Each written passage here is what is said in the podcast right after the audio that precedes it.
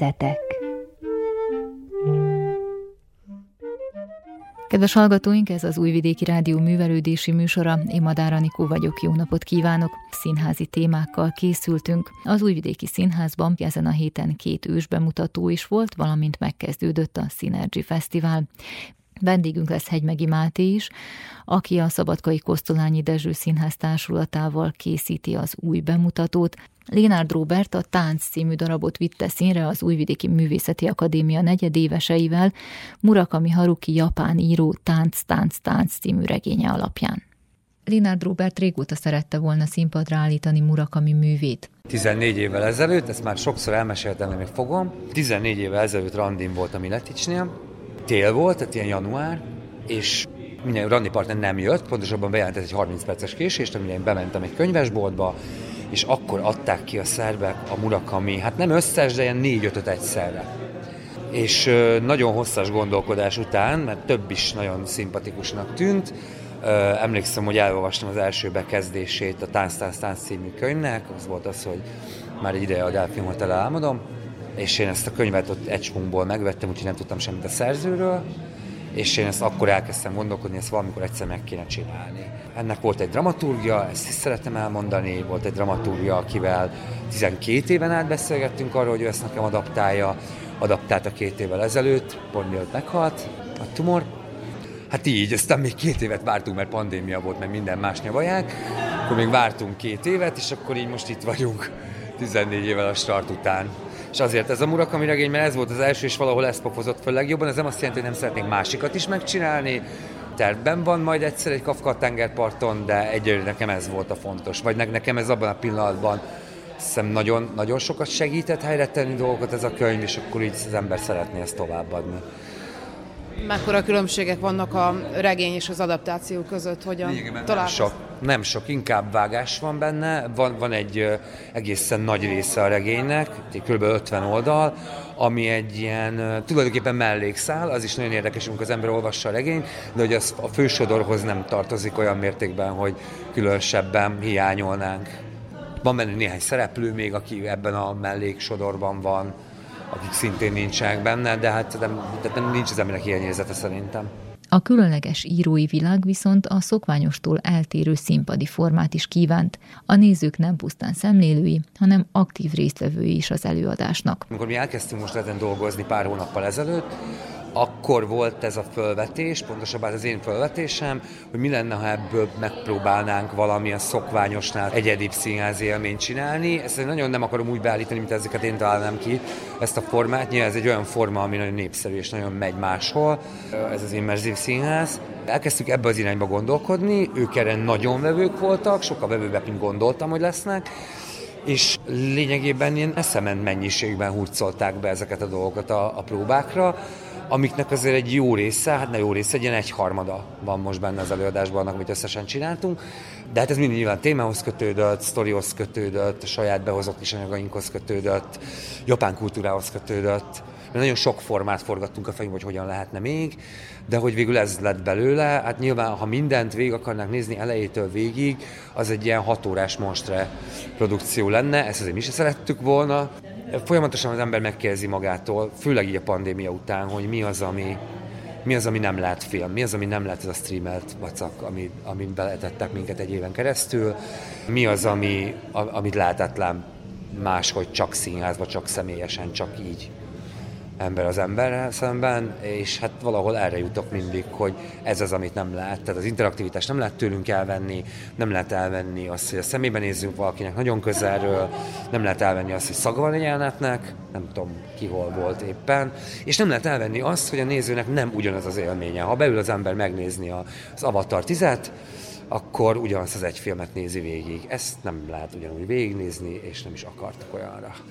Az interaktivitással kapcsolatban még mint ez érdekességről, tehát hogy mire készüljön a közönség, hogy mennyire lesz része a jeleneteknek, vagy mennyire lesz bevonva. Nem annyira, az emberek hát mindig attól félnek, hogy szerepelni kell, nem kell szerepelni az ég a világon semmit, velünk kell kicsit jönni, ezek, hát van, amikor kicsit turbózzuk, tehát van, amikor kicsit ilyen fölkavaróbb jelenetek, de az inkább az elejére jellemző, és aztán meg úgy igyekszünk valamiféle meditatív irányba elvinni a dolgot, vagy így valamiféle elmélyedést elősegíteni egy kicsit kicsit vezetve a közönséget ebben.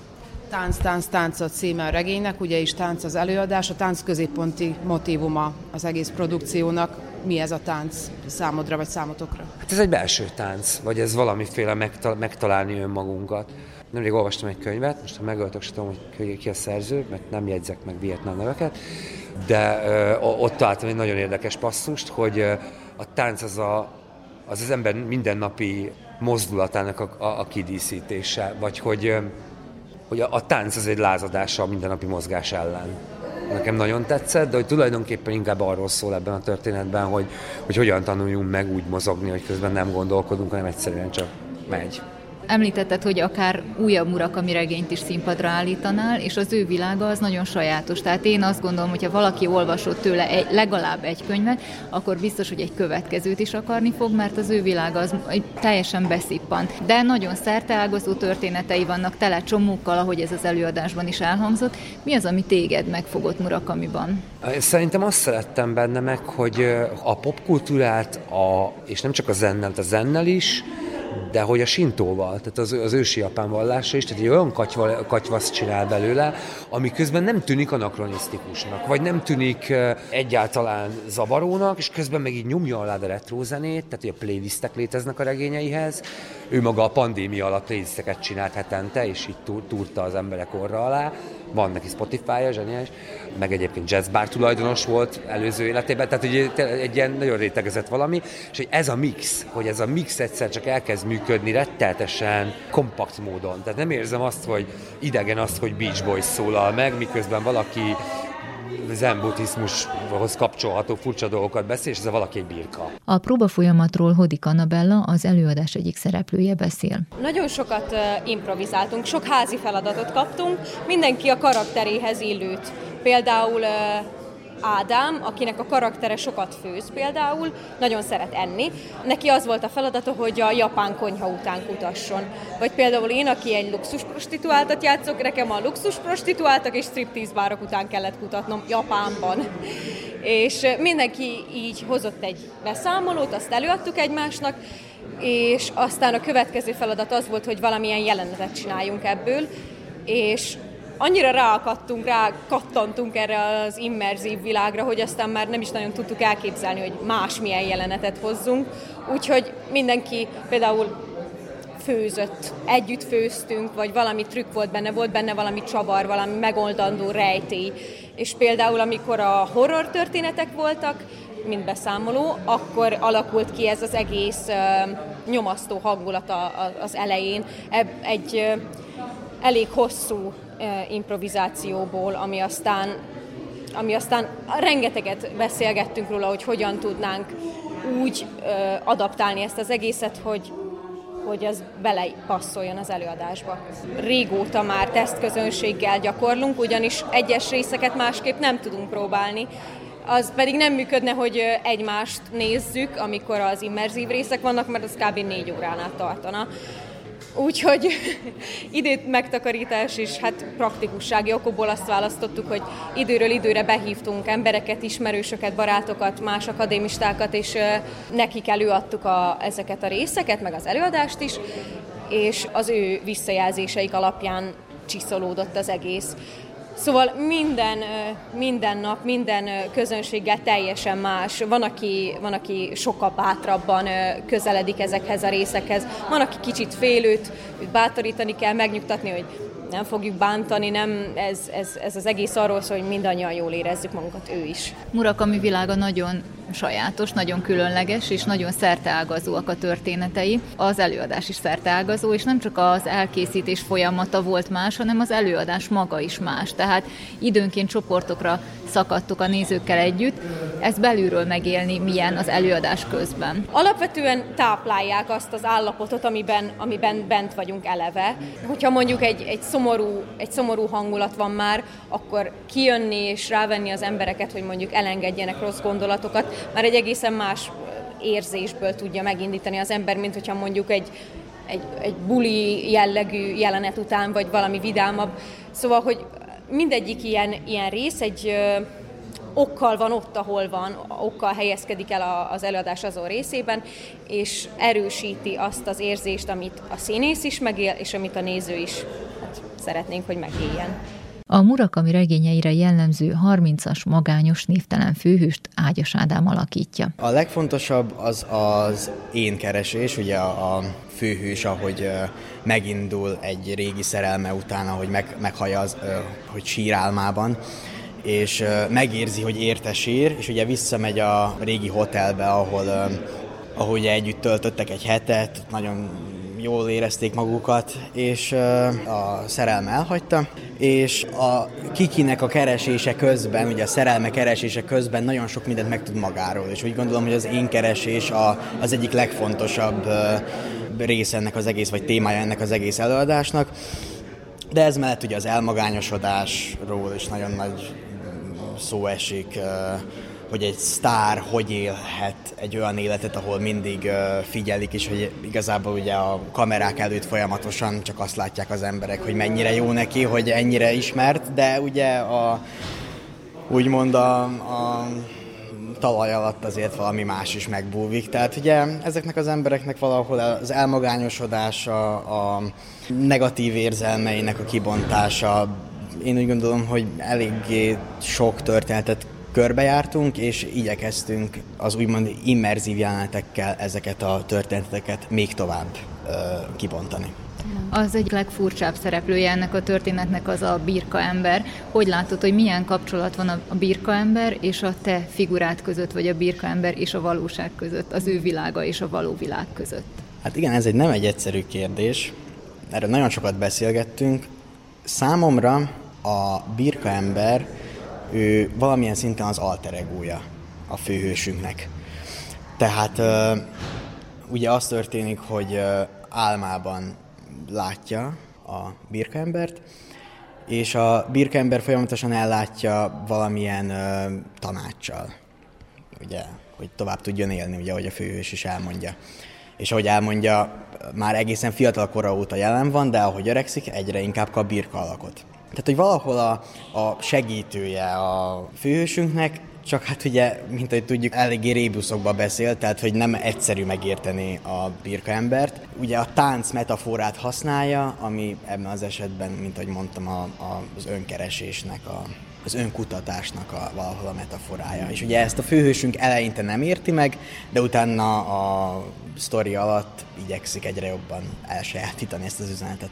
A Tánc című előadásban a Delfin Hotel recepciósát Szabó Regina játsza. Nagyon sokat hallottam róla, én előtte még nem olvastam Murakamit, aztán természetesen, amikor elkezdtük a próba folyamatot, akkor beleástuk magunkat, és én is kicsit jobban, de nagyon tetszik ez a misztikus világa, és maga az, ahogyan írja. Szerintem nagyon, nagyon közeli és nagyon hétköznapi nyelven ír, és közben olyan dolgokat, amiket így, ó, ez eszembe se jutott, és igaz.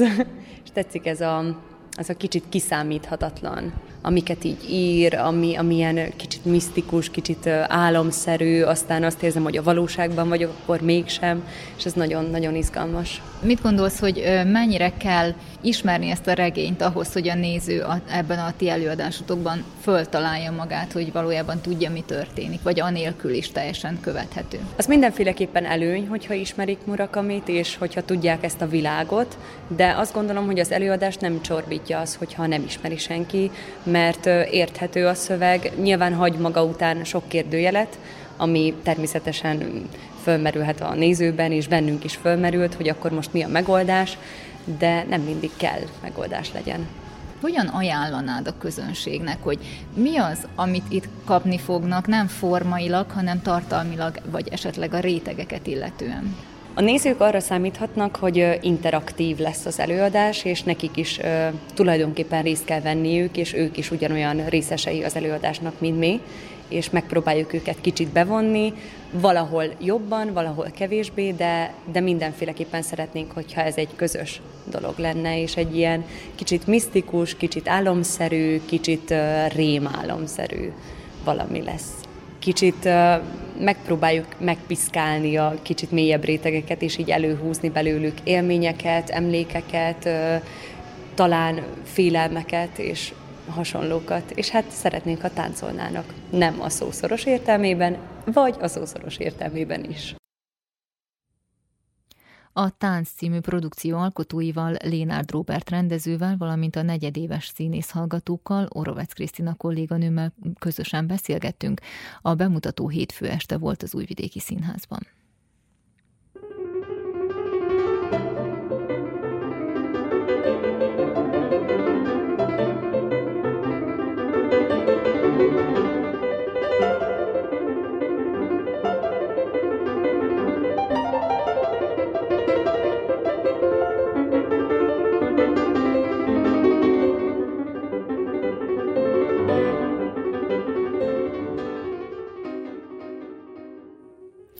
Szerda este az Újvidéki Színház közönsége már egy következő előadásra válthatott jegyet, a Koponyánk körülbelül című darabot láthatták. A szöveget Karinti Frigyes regénye alapján Verebes Ernő írta, a rendező pedig Káló Béla. Elsőként őt hallják. Verebes Ernő szövegét állított a színpadra, az ő szövegei soha nem egyszerűek, ebben az esetben sem volt így. Hogyan fogtatok munkához? A kiinduló pont Karinti Frigyes utazás a Koponyám körül című regénye volt, és nagyon örültem annak, hogy Ernő elvállalta ennek a műnek első körben az adaptációját, aztán kinőtte saját kereteit, és egy önálló művé, saját drámájává alakult át. Maga az út volt a nehézség, amivel mi végigjártunk gyakorlatilag egy egész Covid időszakot, hiszen ez jóval korábban indult, és aztán a Covid után, tehát idén lett ez igazából befejezve. Maga az út volt a nehéz és a rögös, a maga körülményeivel. A találkozás a témával, magával, a karinti világgal, hiszen itt közülünk például a főszereplőnek kulcscsonttörése volt, Ernőnek is nagyon komoly halálközeli betegsége. Itt azért a Covid is itt volt, ez egy egészen széles probléma, amivel a betegségre fókuszáltunk, és gyakorlatilag a saját drámánká alakult ez, a, ez az előadás.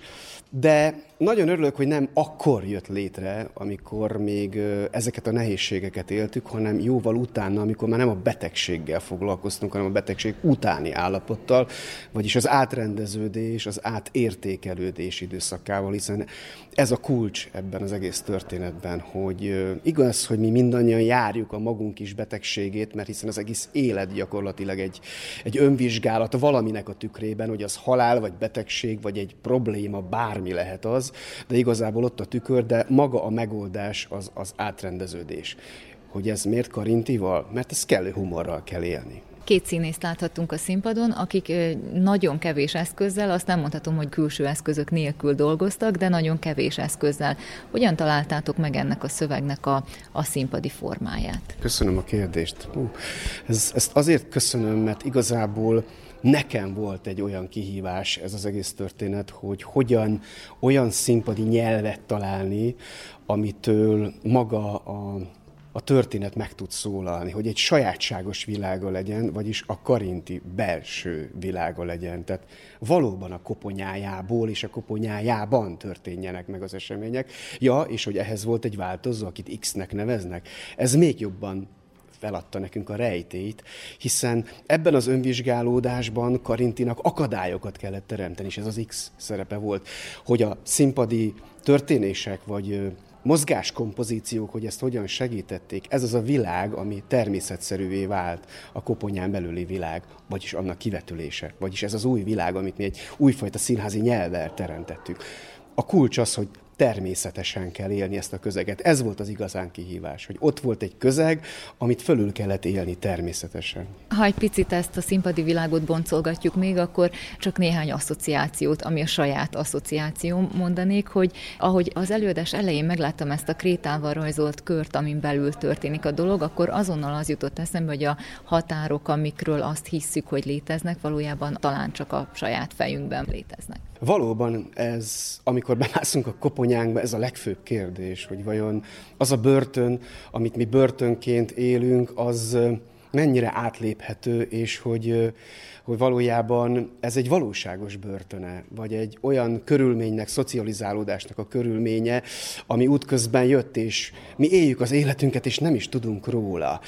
Bármikor átléphették volna ebben a térben ezeket a vonalakat, és mégsem lépték át, és így szűkült ez a kör, még oda nem jutottunk, hogy a legbelsőbb körig szűkült, vagyis a betegségig magáig. Tehát nem lehetett már tovább, hogy úgy mondjam, szűkíteni, oda kellett jutni, hogy szembesüljünk vele. Ez a saját életünkkel is így van, hogy az élet szembesít bennünket azzal a bizonyos göbbel, most ugye, hogy éljek ezzel az asszociációval, ami mindannyiunknak ott van az életében.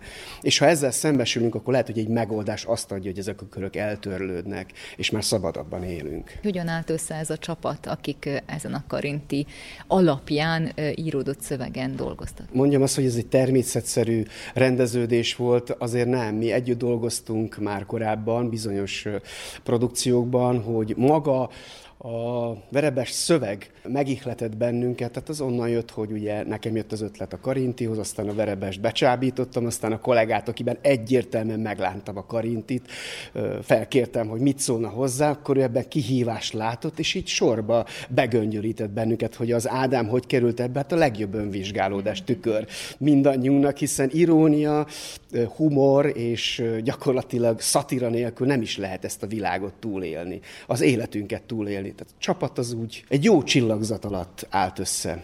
Az, hogy én rendeztem, az meg nyilván egy olyan dolognak a következmény, hogy nekem is megvan a magam uta ebben, hogy hogyan lépegessek előre saját pályámon, és hát, hogy ezzel az anyaggal mit tudtam mondani. A darab két szereplője Csizmadia Gergely és Boros Ádám. Én onnan kezdem, hogy nekem nagyon speciális viszonyom van a, a mesterrel. Ő az életemben nagyon fontos szerepet tölt be, és több karinti adaptációban dolgoztam már. Sőt, van egy saját darabom, amiben, amiben szintén karinti jelenetek vannak, és az előbb kezdett el íródni, mint ahogy a BC a rendező megtalált, Káló Béla rendező megtalált ezzel a munkával, vagy felkéréssel, úgyhogy nekem van egy személyes viszonyom vele, én nagyon szeretem. Ez a regény, én azt gondolom, hogy ez mindenki által ismert. A tanár úr kérem, és ez, ez talán ezek a legismertebbek, meg a nem mondhatom el senkinek. És ha nem mondhatom el senkinek, azért egy érdekes gondolat, és bocsánat, hogy ebbe, ebbe most belekapaszkodom, mert a Karintinak van egy nagyon furcsa, szürreális világa, amit nagyon nehéz volt megteremteni, és én nagyon féltem tőle, hogy ezt hogy lehet. Eleve a maga a vállalkozás, az utazás a koponyám körül az nagyon érdekes. Tehát, hogy ezt, hogy valaki azt vállalja, hogy leírja, hogy mi történt vele, hát ez a világot Algernonnak abba érdekes, de mondjuk ebbe, mert ugye ott is egy harmadik szeméről ír, de az, hogy saját magáról, ez eleve szerintem egy halára ítélt dolog. Szóval, hogy ez nem egy, egy siker műfaj. És mégis az ő zsenialitása az, hogy ez sikeres lett, és és az emberek úgy olvasták, nem tudom, ez, az ő az maga korában sztár volt, tehát, hogy ő ezt, ezt, ezt így kirakta az ablakba. Ez, amit a Blikben megjelen egy ilyen folyamatos cikksorozat, vagy nem tudom, ilyen szennylapba, hogy, hogy akkor most leírom, hogy mi történik velem tényleg. Ez egy nagyon érdekes és, és őszinte vállalás, és, és nagyon az volt nehéz benne szerintem, hogy önazonosságot találni, és a, és lelazulni benne annyira, hogy, hogy közben ezeket a, ezeket a nagyon feszes, ritmusú jeleneteket, ezeket a megéléseket meg, megcsinálni benne, hogy megtörténjenek, de közben mégis valahogy nagyon könnyedén és nagyon lazán, és a közönsége folyamatosan tartva egy kapcsolatot, tehát ahogy a regényében ő ír, és közvetlen az olvasóval, ugyanezt próbáltuk színpadon is. Ez volt benne a feladat. Talán az könnyebbség, hogy most itt vendégként mi, mi ugye Buda, budapestiek vagyunk, és valahogy ez a polgári színjátszás, vagy valahogy ez egy picit közelebb áll hozzánk. Talán a BC azért is gondolt ránk, mert, mert valahogy hozzánk közelebb áll a világ, ennyiben volt könnyebbség a dolog. Viszont a nehézséget tényleg mondom, ezt, ezt a zsenialitást valahogy megjeleníteni, de ebbe segített nekünk a Maró, munkája, Táborosi Margaréta, aki a koreográfiákat csinálta, meg az Ádám, aki pedig hát mindenféle olyan területen dolgozik, hogy mozgásszínházat, fizikai színházat is csinál, bóz doktorként dolgozik, tehát nagyon sok olyan területen, ami az improvizációt, a játékosságot és nagyon sok olyan dolgot tudott ezzel hozzátenni, ami szerintem nagyon erős. Így vezettem át. Visszatérve a kérdéshez, meg a kérdésben az fogott meg ugye, hogy a, a beteg ember a legönzőbb ember, mert mi más is maradhat neki, mint amikor a saját maga élete léte van veszélyben, akkor... És az, hogy Karinti ezt hogyan tudja Egyébként is azt mondom, hogy egy önzésre hajlamos személy, és ez most nem kritikai észrevétel, hanem azt hiszem, hogy ez egy természetes, mert önzőség nélkül nem tudunk létezni. De hogy az ő önzősége egy akkora nagy kérdőjele van az ő fejében, hogy ez folyamatosan pöcköli magában, még a betegsége kapcsán is, és az élethalál harca kapcsán is, hogy ez igazából kívánja a dramatizálást csak nehezen megvalósítható. Ha a bohóc doktorságot vagy bohózságot vesszük ebben a helyzetben alapul, akkor azt tudom mondani, hogy az szemtelen kritika, ami semmi esetre sem rossz májú, és semmi esetre sem destruktív. Viszont folyamatos tükröt tart. És ezzel a tükörképet, tehát az én karakterem, amire az Ernő megírta Verebes Ernő, ennek a darabnak a szerzője, az a folyamatos szembesítés, amire egyébként egy bohóc is hivatott, ezzel levéve a terhet arról az illetőről, vagy akár a nézőről, ami egyébként az ő, az ő lelkét terheli. Tehát ez, az, ez a fajta kritika, a saját magammal szemben is megfogalmazott kritika, aminek egyébként szerintem írásban Karinti a csimborasszója, az pontosan megengedi azt, hogy, hogy ebben hasznosan lehessen használni azt, hogy valaki bóz doktorként dolgozik. Akkor térjünk vissza arra a megkezdett gondolatra, hogy együtt dolgozni milyen volt, hiszen itt külső eszközök hiány vagytok, kevés külső eszköz van, és nagyon egymásra kell hangolódni, hiszen ti ketten egy vagytok, egy belső párbeszédet folytattuk. Én röviden válaszolnék egy gyorsat, hogy mindenfajta szorító körülmény az előnyére válik egy produkciónak. Tehát az, hogy eszközhiányunk van, és igazából mi ketten vagyunk egymás eszközei, ez elsőre egy nagyon nagy kihívás, és aztán kiderül, hogy ez egy nagyon hálás feladat, kreativitásra ösztönöz. Annyira jó a szövet, maga, amit a, az Ernőnek sikerült a Karinti zsenialitásából átemelni. Szóval, hogy pont mond, valakinek mondtam, hogy, hogy kérdezte, hogy hogy íródott ez. És mondom, hogy szerintem úgy íródott, hogy az Ernő szétvágta mondatonként az így írtok tit, ami hát vannak benne színpadilag túlírt részek, tehát hogy valami olyan világ és szürreáli a teremtődik, és nem lehet leképezni, vagy nem, nem tudod megjeleníteni. Na de viszont van benne egy fél mondat, ami nagyon jó. És az Ernő ezeket valahogy így összeollózta, és sikerült ebből, ebből ezt, a, ezt az, az F és FX, tehát ugye ez volt a zseniális gondolat. Ami valójában egy függvény, tehát egy hogy függvény, az Ernő csinált egy függvényrendszert függvény. erre. Rendszer, ami, ami, és ami pont beszélgettünk most az igazgatóról, hogy igen, ez találkozik az ember saját életével, hogy ez hogy van, hogy állandóan magadra reflektálsz. Tehát, hogy mindenkinek van ez az énkéje. De azért nem mondok énkét, mert ez bonyolultabb, mert nem csak az.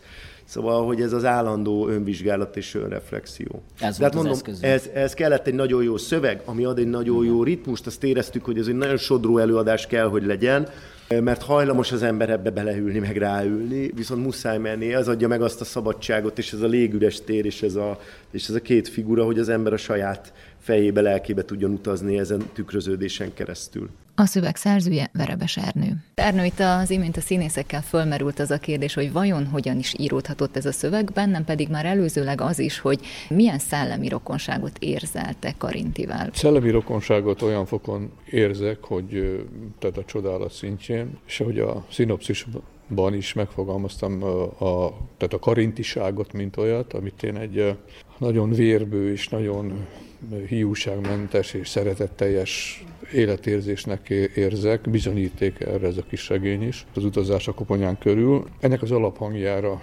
próbáltam megfogalmazni ezt a, ezt a duodrámát, úgymond, F és X között, ahol F ugye frigyes, X pedig az a függvény, tehát az FX azt tudjuk a matematikában, ez egy függvény, aki gyakorlatilag Karinti saját hőse ebbe az írásba. Tehát nem is azt mondhatnám, hogy alter ego, hanem akit Karinti leír, de hát az ő maga. És ez a perlekedés, vagy ez a számvetés gyakorlatilag, ami ebből a sorsdöntő rádöbbenésből fakad, hogy gyakorlatilag agytumora van. Ennek, a, ennek az emészthetősége és a, és a túlélési lehetősége. És ennek egyfajta olyan humorral való ábrázolása, vagy olyan testnedvel való ábrázolása, ami őt tulajdonképpen túlviszi. Ezen a betegségen és a műtéten is ez szolgált alapul ahhoz a narratívához, amit megpróbáltam itt Karinti szövegei alapján is, és a sajátjaim alapján is összeszűni. Az imént hallottuk a rendezőtől, illetve a színészektől azt is, hogy az alkotók többségének volt valamilyen súlyos betegsége, ami, amin sikerült túljutnia. Ez mennyire van jelen ebben a szövegben a saját tapasztalat? Az, hogy van saját tapasztalatod, az mennyire nehezítette vagy könnyítette ennek a karinti szövegnek a, az átdolgozását? Hát sajnos vagy nem sajnos van ilyen tapasztalatom. Én is a mesdjén álltam, aztán visszajöttem, és nem tudom, hogy ez, hogy ez jó vagy rossz, vagy jól, vagy rosszul hatott rám. A lényeg az, hogy Karintinak ebben a szövegében benne van egyfajta újra feltámadás, vagy túlélés, ha nem is feltámadás, mert ugye nem hal bele. Illetve nem ebbe halt meg, két évvel később agyvérzésben halt meg, ironikus módon. Tehát az agytumorban nem halt bele. Itt a az emberi végességnek a tudatosítása, az a rádöbbenés, ami egy végzetes betegségtől a gyógyulás útjára állítja, és eredményezi a gyógyulást, ez az a pálya, amit én fölfogtam. Valószínűleg, hogy tapasztalatból is. Ezt tette talán egy kicsit hozzáférhetőbbé számomra ezt a kis regényt, amit hát először még kamaszkoromban olvastam, azután most már egy teljesen más szempontból próbáltam magamban átforgatni.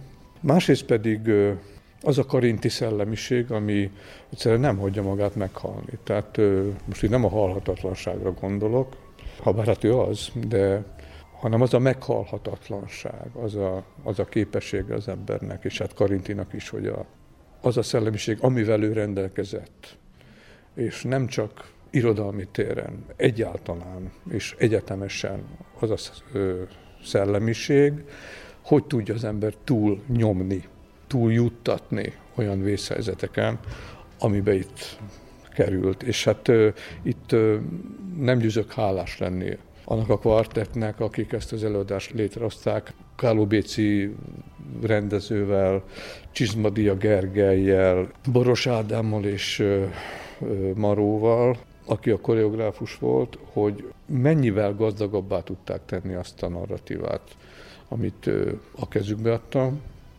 és amit tulajdonképpen egy nagyon privát és nagyon egysíkú dolognak indult, aztán, illetve hát minden, minden dráma az, amíg papíron van, és hogy hogy kelt ki ebből az a több dimenzió, mint egy mesekönyvből az, ami ugye régen volt, hogy kinyitottuk, és akkor kiemelkednek a kis házikok és a hősök. Én ezt láttam viszont, és nagyon, nagyon hálás vagyok nekik, hogy, hogy az ő kezükbe került, és hogy ez a túlélési folyamat, ilyen két remek színész és rendező és koreográfus által életújjá. A Koponyán körülbelül című darabot szerda este láthatta az Újvidéki Színház közönsége, ez volt itt az Újvidéki Színházban a hét második ősbemutatója.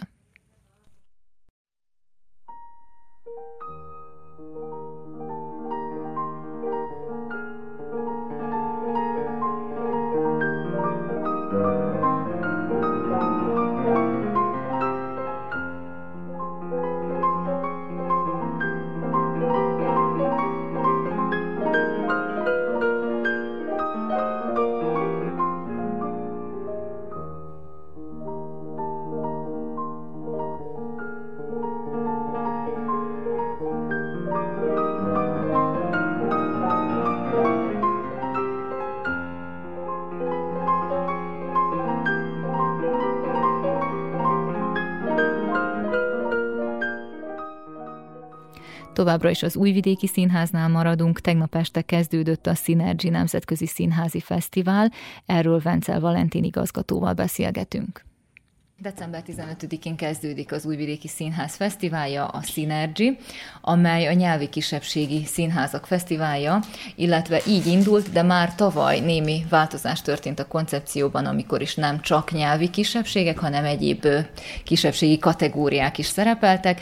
Az idei program hogyan állt össze? Már tavaly előttől, tehát hogy a harmadik Synergy Fesztiváltól mi igyekszünk igazából ezt a nyelvi és etnikai kisebbséghez való tartozás problematikáját, illetve ugye létét tárgyaló előadásokat kibővíteni, más egyéb, hogy úgy mondjam, kisebbségi kontextusok irányába. A harmadik Synergy Fesztivál az a migrációs problémának volt szentelve. A negyedik ugye az a, az európai roma problematikának az idei, ugye ez az ötödik Synergy Fesztivál pedig kicsit banálisan hangzik, de a nőnek szenteltük, vagy a nővel, mint kisebbségi tényezővel foglalkozó hát tematikáját illetően.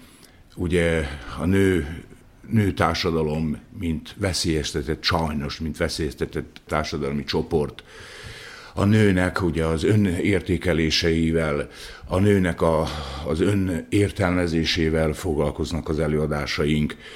Na most ezt, amit ugye nő problematikának nevezünk, ezt a vendégelőadások egyike másika dramatikusan, melankólikusan, de vidáman, humorosan és önironikusan tárgyalja majd ugye az előadások során. Vegyük sorra konkrétan az előadásokat, illetve mondhatjuk-e azt, hogy ez a ma esti előadás már egy bevezetője volt a Synergy Fesztiválnak? Pontosan így van, és nagyon örülök, hogy ez, ezt sikerült nekünk bemutatni, különösképpen ugye ennek a halhatatlan műnek, ugye az utazás a koponyám körül műnek Verebes Ernő által történő feldolgozását e, nagyon nagy boldogsággal fogadta be az Újvidéki Színház, és ugye mint egy ilyen vendéglátó vagy fesztiválnyitó előadásként ugye játszottuk el ma este.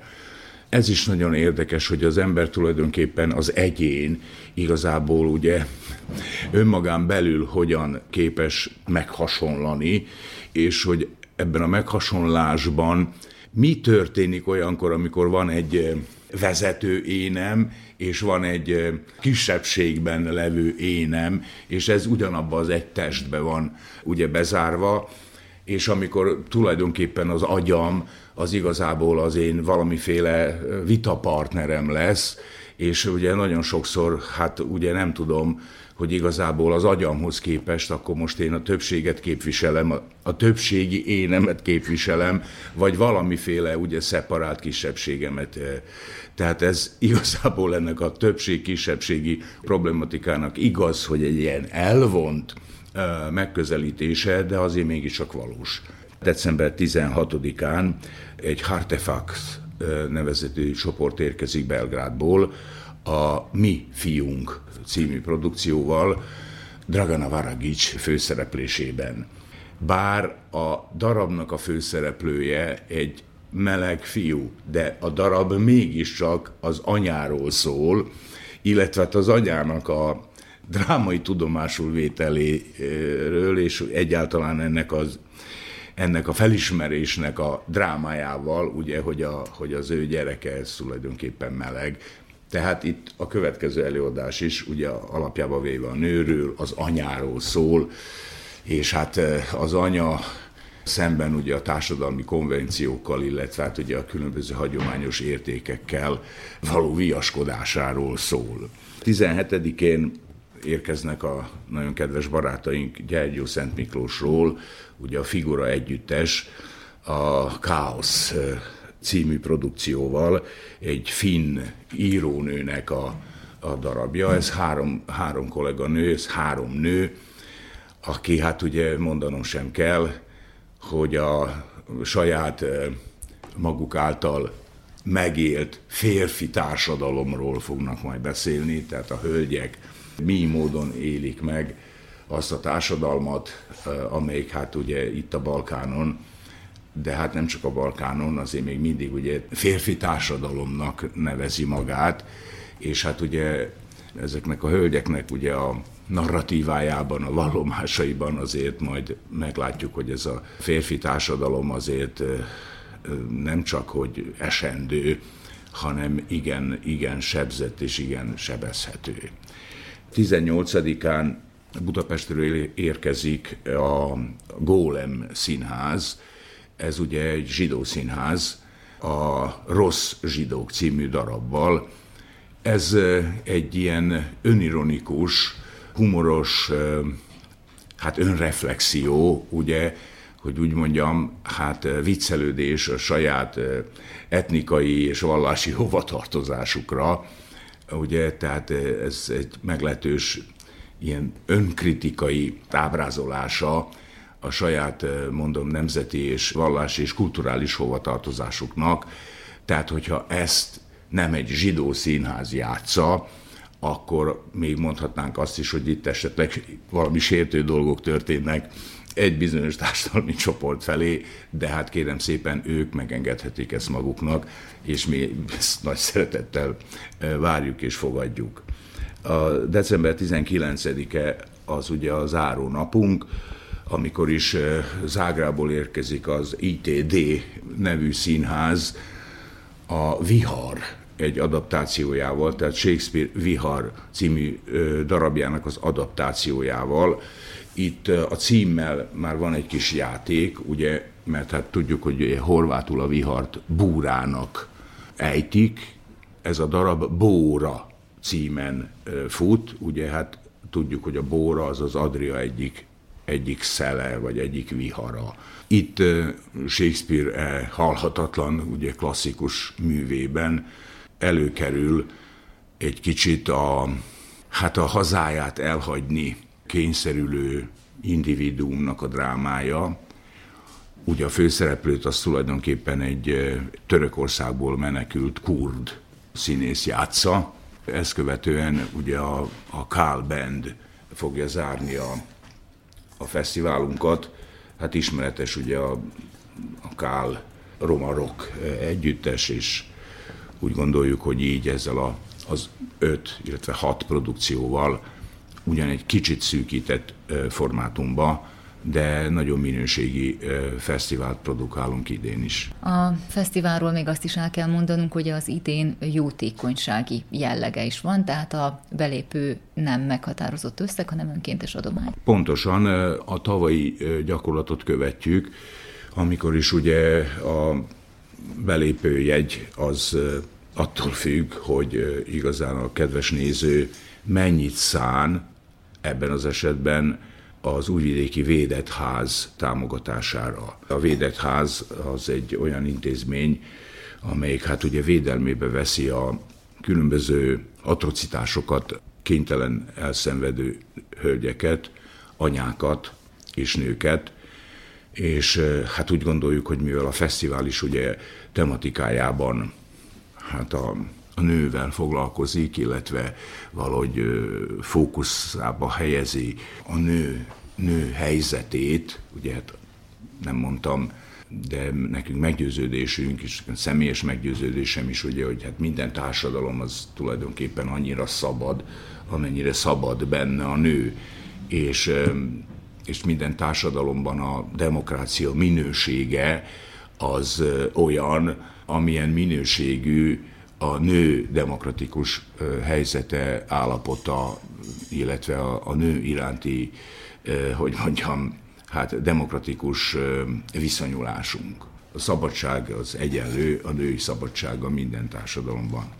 És valahogy úgy, úgy láttuk, hogy ha már ilyen ez a témája a fesztiválnak, és ha már nagyon komolyan hiszünk abban, hogy a világ egyik felének a, az állapota azért az hagy még javítani valót, akkor kérem szépen, akkor itt mi kicsit ilyen lokális szinten ugyan, de akkor tegyünk valami, valami konkrétumot, és akkor támogassuk ezt az intézményt, amelyet ugye úgy hívnak, hogy védett ház. Azért még valamit itt el szeretnék mondani, ugye, hogy ez az ötödik fesztiválunk, ugye a hatodik lett volna, ha nincs tavaly a Covid, viszont már szervezzük a Synergy Fesztivált jövőre Budapesten.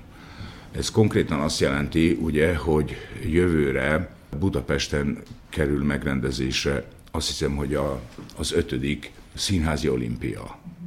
Ez egy mega színházi esemény, ami kb. három hónapig tart, és olyan 120-130 együttes lép fel a világ minden pontjáról.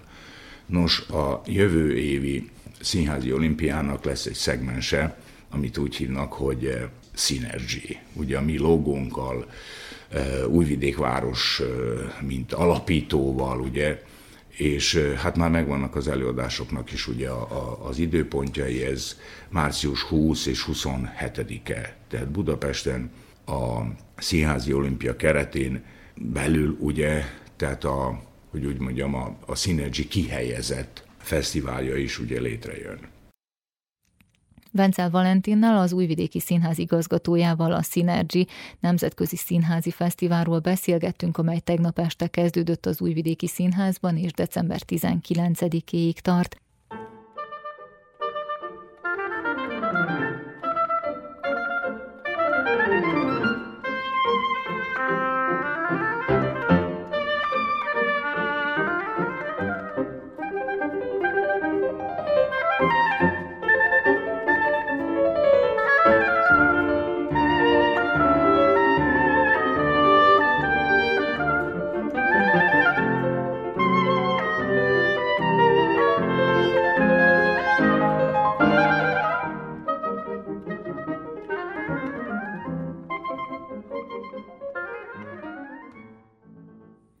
A következő színházi témánk az, hogy a Szabadkai Kosztolányi Dezső Színház Társulata újabb bemutatót készít, méghozzá Hegymegi Máté vezetésével a Földfia című előadás készül. A rendezővel beszélgettünk Szabadkán. Hegymegi Mátéval beszélgetünk Szabadkán. Jelenleg épp a Kosztolányi Dezső Színházban dolgozik, viszont a szabadkai közönség, vagy hát nem csak a szabadkai, mert a Deziré Fesztiválnak sokkal szélesebb közönsége van. Láthatta nemrégiben két munkádat, a Nérót és a Helbronni Katicát, amit a Stúdió K színházzal készítettél. Viszont nem ez az első látogatásod ide Szabadkára. Kilenc évvel ezelőtt a Népszínház Magyar Társulatával a Vörös című előadásban szerepeltél is, és annak a koreográfiája is a te munkád volt. Induljunk ki innen. Ha nem tévedek, akkor egyetemistaként jöttél ide Szabadkára dolgozni, vagy legalábbis nagyon a pályád elején voltál. Ahhoz képest milyen hegymegi Máté jött vissza ide Szabadkára? Hát sok, sok dolog változott, vagy történt azóta. Igen, az azt hiszem vagy az utolsó év volt nekem az egyetemen, vagy az első az egyetem után, de hát az, az ott nekem egy nagyon megilletődött állapot volt, mert egyrészt az, hogy a katona társulatával dolgozhattam, illetve a népszínházzal, mind a kettő nagyon új volt, és ráadásul nagy feladat volt egyszerre bent is lenni, meg a koreográfiát is csinálni, tehát hogy ráadásul egyből egy ilyen kettős pozíció volt, amihez azért nem voltam annyira szokva de nagyon, nekem ez nagyon-nagyon jó élmény volt. Egyrészt, hogy megismerhettem a Népszínház társulatát, másrészt ugye az az anyag, amivel foglalkoztunk a, a Vörösnél, az nagyon erős téma volt, ami, ami nekem nagyon, nagyon, nagyon érdekes és nagyon ilyen élménydús találkozás volt. Hát azóta eltelt ezek szerint kilenc év, igen. Hát azóta valójában én már igazából főként inkább rendezek, tehát egyre kevesebbet játszom, és a koreografálást is igyekszem azt kicsit tudatosabban kevesebbet csinálni. Valahogy így a rendezés lett a, a nem tudom, az, amiben én sokkal jobban érzem magam, és talán remélem jobban is megy. Igen, más-más rendezőként itt lenne, igen. Miért győzött benned a rendező, és miért szorított háttérbe, ahogy mondott tudatosan a koreográfia készítést? Azt hiszem azért, mert nagyon szeretek az adott darabhoz, és koreográfusként is így dolgoztam, egy saját nyelvet, világot kitalálni, és ez nagyon-nagyon nagy munka, és uh, nyilván nem ugyanakkor a munka, mint rendezni, de valójában már az ember majdnem ott tart. Tehát, hogy, hogy egyszerűen annyira sok az elemzés ahhoz, hogy az ember koreográfusként is egy, egy saját nyelvet vagy, vagy világot próbáljon kitalálni az adott darabhoz, hogy én sokszor azt éreztem már, nem a Vörösnél, hanem így sok év után, hogy tulajdonképpen igazából ennyi munkával én sokkal jobban érzem magam, amikor nem alkalmazottként, hanem a saját vízióim, mániáim mentén egy egész darabot találok ki, és annak a, a rendszerét az elejétől a végéig én építem fel, illetve az, hogy a színészekkel, az egész stábbal való viszony az nagyon más, amikor az ember mindenkivel érintkezik, mindenkivel viszonyban van, és én ezt, ezt a részét nagyon-nagyon szeretem, és, és ebben sokkal több alkalmam van ezt megélni. Az előadásnak meg kell találni a saját nyelvét. Hogyha ezt így tudjuk konkrét előadás nélkül fejtegetni, akkor kérlek tegyük meg, ha nem, akkor pedig használjuk azt a két előadást, amit a vajdasági közönség is most itt láthatott, tehát a két stúdió színházas előadást, hogy hogyan működik ez a folyamat, hogy a szöveget mondjuk általában te választod-e, vagy fölkérésre történik, ha megvan a szöveg, akkor pedig hogyan indulsz el azon az úton, hogy nyelvre találjon ez a szöveg? Nem tudom, lehet, hogy ez a magyarországi rendszerem múlik, nem tudom, az hál' Istennek általában szabad kezem van abban, hogy szerintem általában a rendezőknek, hogy milyen anyagot hoz, milyen anyaggal szeretne dolgozni az ember. Persze, egyszer-egyszer van olyan, hogy színházigazgatók, színházvezetők ajánlanak darabot, és akkor ajánl a rendező is. Általában ezért ebbe szabad kezem tud lenni. És hogyha megvan az anyag, akkor nyilván egy elemzés, egy koncepció, nem tudom, építés után, amit már az ember a stábjával csinál, a tervezőkkel, dramaturga, elkezd valahogy kialakulni az, hogy ezt milyen közegben, vagy milyen színházi formában képzeli el az ember. Nyilván ez is sok rendező biztos mindenki másképp csinálja. Én, én nekem mindig nagyon fontos, hogy az elején megtaláljuk azt a fajta közeget, vagy azt a fajta nyelvet, amiben ezt az előadást játszani fogjuk, legyen ez nem tudom, mozgásszínház, vagy legyen egyszerűen egy, egy absztrakt fogalmazás, vagy egy, vagy egy teljesen prózai, nem tudom, egy naturalista, realista előadásokat nem szoktam csinálni, de mondjuk legyen az. Az ember ahhoz, hogy milyen anyag, megtalálja, vagy megkeresi azt a nyelvet, ami, ami talán a legjobban igyekszik kifejezni ma, illetve abban az adott közegben, és ez szerintem fontos, ahova az előadás készül. Tehát, hogy azoknak a nézőknek, akik, akik az adott színházba járnak, vagy annak közönsége, hogy igyekszik megtalálni azt a határt, ami feszegeti ennek a nézőbázisnak a határait, de mégis valójában oda készíti az előadást, és nem önmagának. Ha már az adott közönségről beszélünk, akkor beszéljünk arról az előadásról, ami itt készül Szabadkán, a Kosztolányi Dezső Színházban. A Föld fia ennek az előadásnak a címe. Mi az, amit így előjáróban elmondhatsz, vagy amit szeretnél elmondani erről az előadásról, akár tartalmilag, akár pedig az említett nyelvet illetően? Hát ez egy, egy nagyon furcsa az én munkáim között is egy nagyon, vagy azokhoz képest egy nagyon másfajta textúra, nagyon más anyag, mágikus realizmus mentén íródott, mint iránya az anyag, tehát hogy a, a költészet és a naturalizmus, realizmus folyamatosan ütközik benne, azért, mert van egy nagyon fura csavar az előadásban, egy alaphelyzet, ami ettől egy teljesen abszurdba viszi az egész előadást és ez az, hogy megszületik egy párnak egy gyermeke, aki félig a földbe születik, és innentől kezdve végig a földben van ez a gyermek, és azt próbálja az előadás körül járni, hogy, hogy mi ez a fura élethelyzet, amikor egy, egy másmilyen gyermek, egy nem, egy, nem egy megszokott gyermek körül a szülők hogyan tudják őt nevelni, és hogyan tudnak hozzá viszonyulni, illetve az egymáshoz való viszonyuk hogyan változik meg abban, hogy, hogy megváltozott éle, megváltozik az életük a mentén, hogy egy, hogy egy ilyen fura új helyzetben kell hirtelen ráadásul szülőnek lenniük. Egyrészt egy nagyon-nagyon érzékeny dolog a gyermekvállalás, és a, ráadásul a korán jött, én szerintem ez egy elég fontos része a dolognak, a, a korán jött gyermekvállalást hogyan lehet fiatal felnőttként jól csinálni, vagy megpróbálni jól csinálni, nincsenek ugye receptje, illetve itt egy egy különleges gyerek van, ami, ami miatt ezt ö, próbálom nem jó, jól úgy körüljárni, hogy ne, a, fo, a fontos részét ne lőjem le, mert, mert nagyon, nagyon szépen pedzegeti ezt az anyag, hogy szépen rétegeibe megy bele ebbe, hogy hogyan lehet egy ilyen különleges gyerekkel ö, létezni, és, és mi, milyen csodákat ad, és közben milyen nehézségekkel állítja az embert.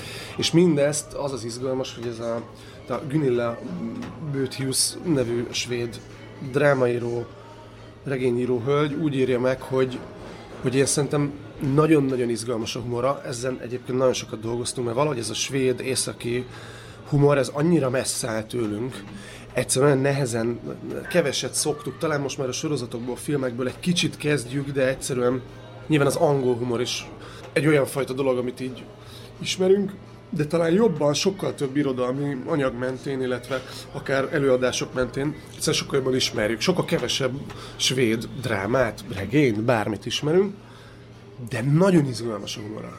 Nagyon izgalmas. Van benne egy nagyon jó ízű irónia az egészben, és ezt a Kosztaránk csapata, a színészek, a srácok, azt hiszem, hogy most kezdtük el, most tartunk abban a fázisban, hogy elkezdtük megérezni együtt, és most látom, hogy a színészek elkezdtek ebben elveszkedni, és kicsit lubickolni, hogy, hogy ennek a, a súlyossága és mélységei mellett hogyan lehet ezeket a finom, ironikus pillanatokat és humorokat kidolgozni, és ez most egy nagyon-nagyon nagyon jó időszak. Tehát most, most kezdünk megtalálni valami, valami olyan fontos részét az anyagnak, ami, ami hát remélem, hogy, hogy ez majd a nézők részéről is érthető lesz. Tehát, hogy nekik is, nekik is úgy, úgy működik, mint nekünk. Ez, hát ez mindig egy, azt hiszem ez egy nagyon nagy kérdés mindig.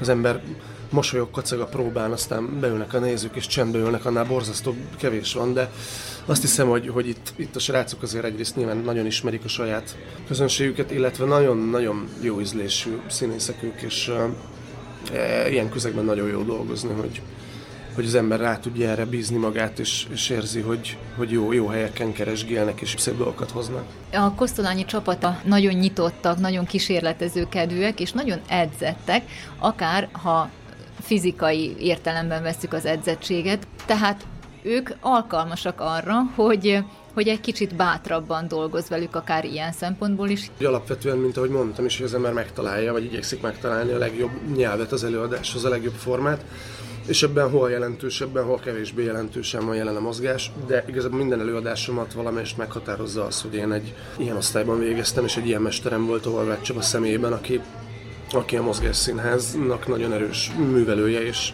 és ráadásul fejlesztője is. És szerintem ez minden előadáson látszik egy picit, amit csinálok. Ha most az adott két előadást is megnézzük, a két előadás nagyon más, már csak egymáshoz képest is, pedig egy közegben készült, ugyanazzal a társulattal de hogy ott is másképp van a mozgás használva, de szerintem mind a kettőben érezhető, felelhető az, hogy a maga a test hogyan van használva. És ez, én azt gondolom, hogy itt is nagyon erősen jelen van, egyáltalán nem mozgásszínházról beszélünk, de közben pedig egy olyan fajta színházról, ahol nagyon sokat dolgozunk a, azokon a jelentés tartalmakon, amit a test ezt nem tudom, sajnos nincs rá elég jó szavunk, ilyen költői színháznak szokták hívni, ami valamilyen fellengzős, fura dolognak hangzik, amit ezért én annyira nem szeretek használni, de hogy egy olyan színház, ami igyekszik úgy használni a, a képeket, a tárgyakat, az egész közeget, hogy azoknak a többlet jelentéseit, többlet tartalmait kiemelje, illetve a test viszonyait, egy-egy érintés, egy-egy gesztust picit önmagánál, nem tudom, tartalmasabban használni. Nagyon fura lila dolognak hangzik, amit mondok, pedig ennél sokkal egyszerűbb. Na hát ez mozgást hogy lehet megfogalmazni, őrület. Szóval nagyon-nagyon sokat jelen lesz benne ez a fajta gondolkodásmód szerintem.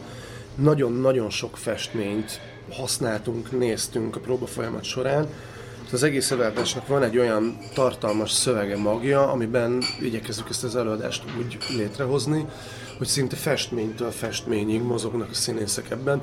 Nagyon sok az olyan kép, amiben egy-egy gesztus ettől fel nagyul, és valahogy erre, erre próbálunk nagyon sokat fókuszálni.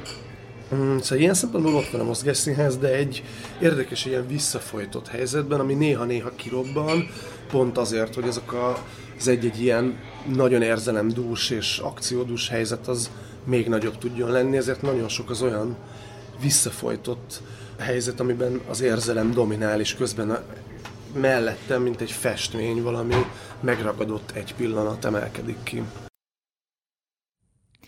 Hegymegi Mátéval Szabadkán beszélgettünk, a Kosztolányi Dezső Színház társulatával dolgozik a Földfia című előadáson, amelynek a bemutatója a jövő csütörtökön, azaz december 22-én lesz.